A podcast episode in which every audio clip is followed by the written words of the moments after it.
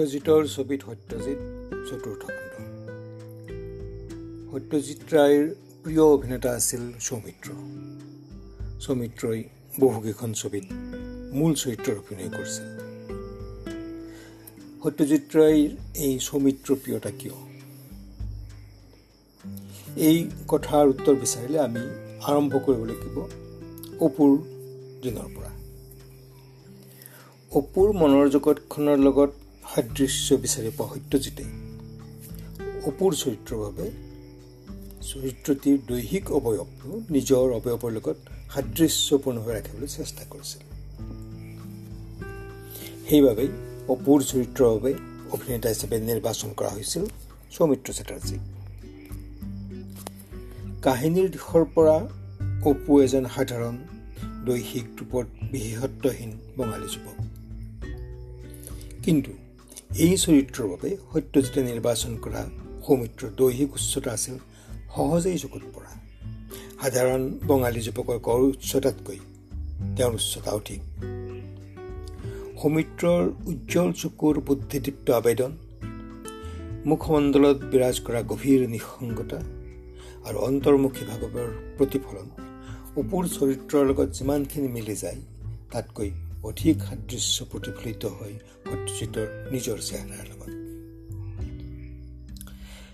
প্ৰতিগৰাকী পৰিচালকেই যিদৰে নিজৰ মনোজগতৰ নানান অনুভূতি অভিজ্ঞতা চিনেমাৰ ঘটনাৰ মাজেৰে প্ৰকাশ কৰি এক মুক্তিৰ প্ৰতিপ্তিৰ সন্ধান কৰে।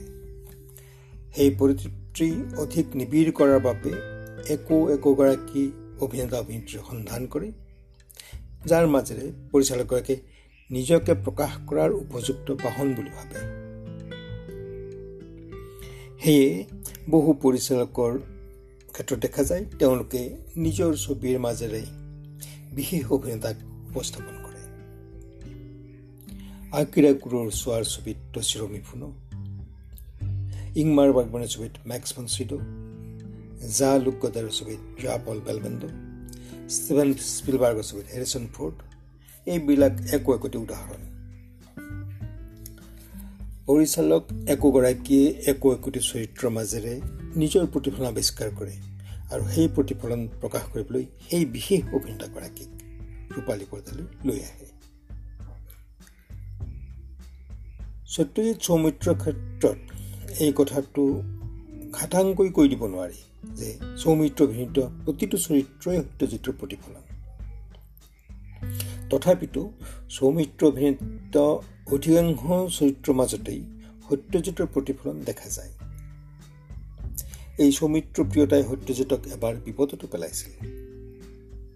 অভিযান ছবিৰ ৰুক্ষ ৰাজ ৰাজপুত টেক্সি ড্ৰাইভাৰ নৰসিংহৰ ভূমিকাত সৌমিত্ৰ কোনোপধ্যেই খাপ খোৱা নাছিল।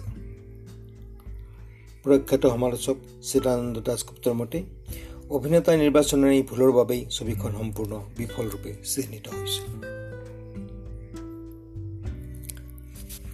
সৌমিত্ৰক যে সত্যজিতে অল্টাৰ ইগৰ ৰূপত কল্পনা কৰি ভাল পায় তাৰ প্ৰমাণ পোৱা যায় তেওঁৰ ৰহস্য উপন্যাসখিনিৰ মাজত এই ৰহস্য কাহিনীলানিৰ মূল চৰিত্ৰ ডিটেক্টিভ ফেলুদাৰ আচৰণ কৌতূহল আৰু জ্ঞানতৃষ্ণাৰ মাজত দেখা যায় সত্যজিতৰ প্ৰতিফলন।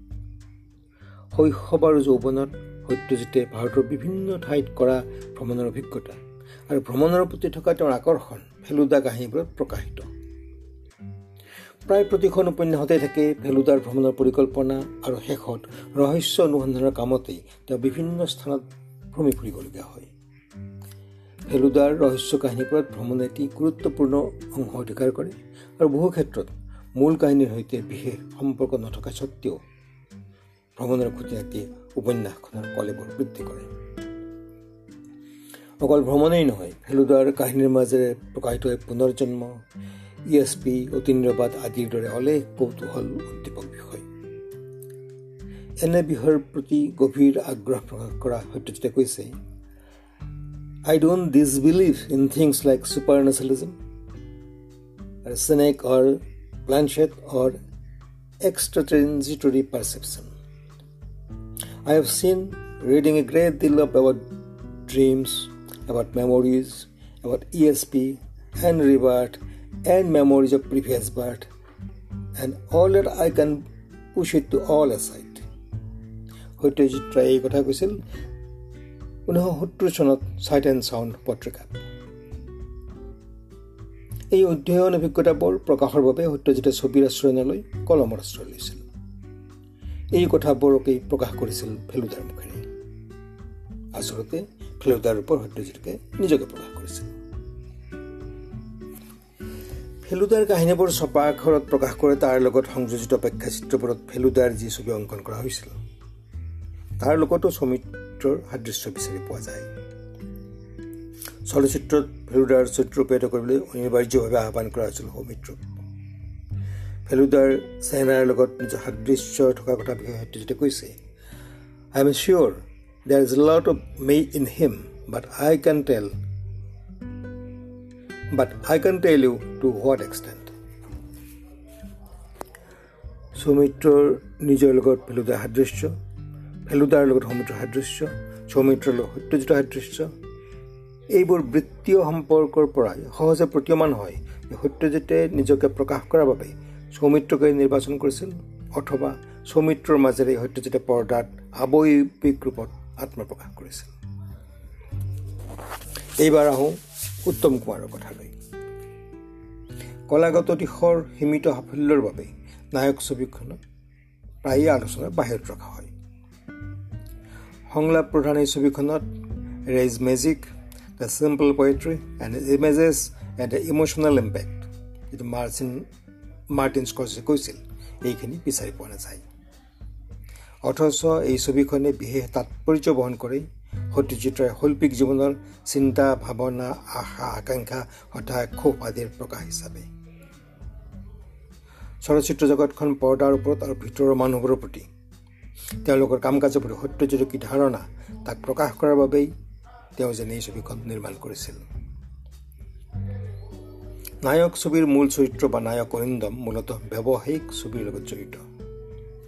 গতিকে স্বাভাৱিকভাৱেই ছবিৰ ব্যৱসায়িক জগতৰ বিভিন্ন দিশে আহি নায়কত ভিৰ কৰিছে।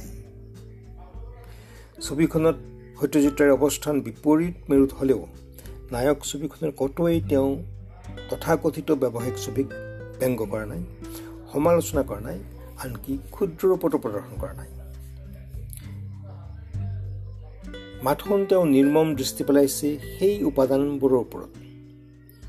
যিবোৰ বাহিৰা অনুঘটক আহি ব্যৱসায়িকভাৱে নিৰ্মিত ছবিৰ ভিতৰ জগতখন কলুষিত কৰি পেলাইছে।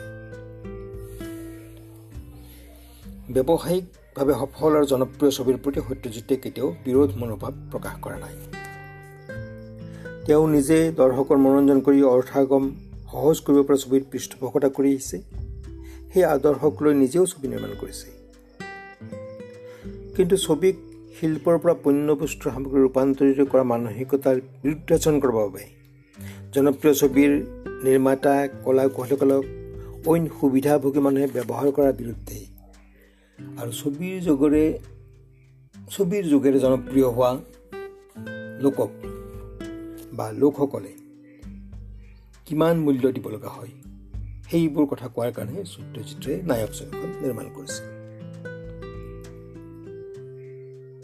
জনপ্ৰিয় শিল্প বা শিল্পৰ প্ৰতি তথাকথিত এলিক শিল্পৰসিক আৰু বুদ্ধিজীৱীসকল সদায় উন্মহে। তীক্ষ্ণ বেংগৰে সত্যজিতে এই কথা প্ৰকাশ কৰিছে এনেদৰে। ট্ৰেইনৰ ডাইনিং কাৰত নায়ক অৰিন্দমক দেখা পাই নাৰীবাদী আলোচনাৰ সম্পাদিকাই। আলোচনী বা নিজৰ পেচাৰ স্বাৰ্থত সম্পাদিকাই নায়কক লোকৰ সুবিধা গ্ৰহণ কৰিব বিচাৰে। কথা আৰম্ভ কৰিবলৈ তেওঁ চেলুলৈ অট'গ্ৰাফ বিচৰাৰ আৰু তেওঁ ভাবে নিজৰ বাবে অট'গ্ৰাফ বিচৰা সন্মানহানিকৰ কাম হ'ব। সেয়ে তেওঁ সেই অট'গ্ৰাফটো ভাগিনীয়েকৰ লাগে বুলি ক'বলৈ নাপাহৰে।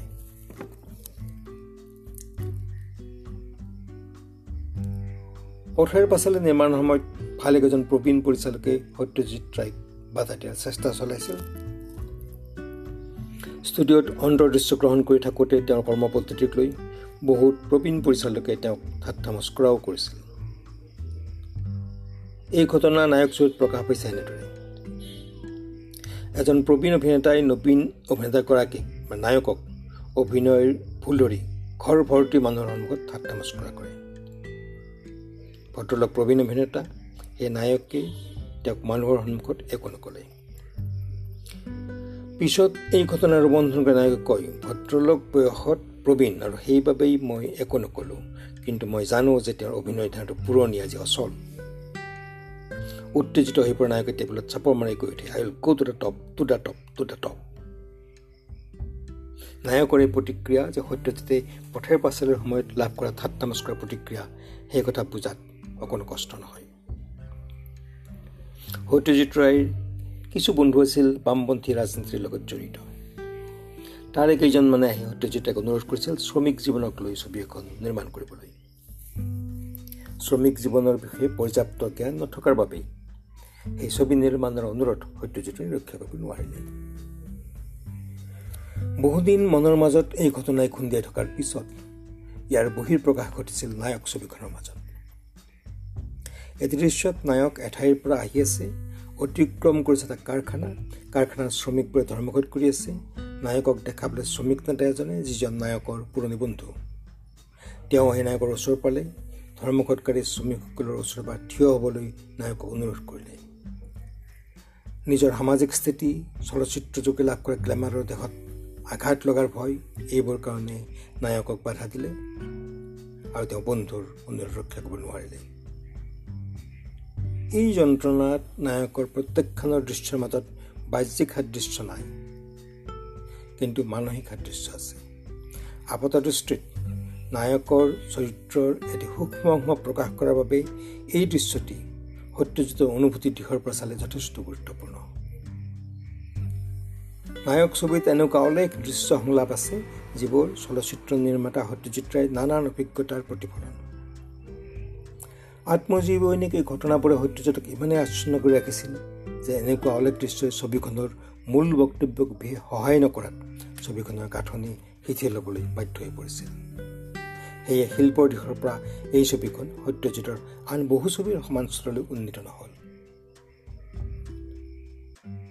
শিল্পৰ দিশৰ সলনি সত্যজিতৰ জীৱন আৰু বক্তব্যৰ দিশৰ পৰা চালে এই ছবিখনে সত্যজিত আগ্ৰহীসকলৰ অভিজ্ঞতা অনুভৱৰ বাবে সদায় নতুন দুৱাৰ উন্মোচিত কৰিব।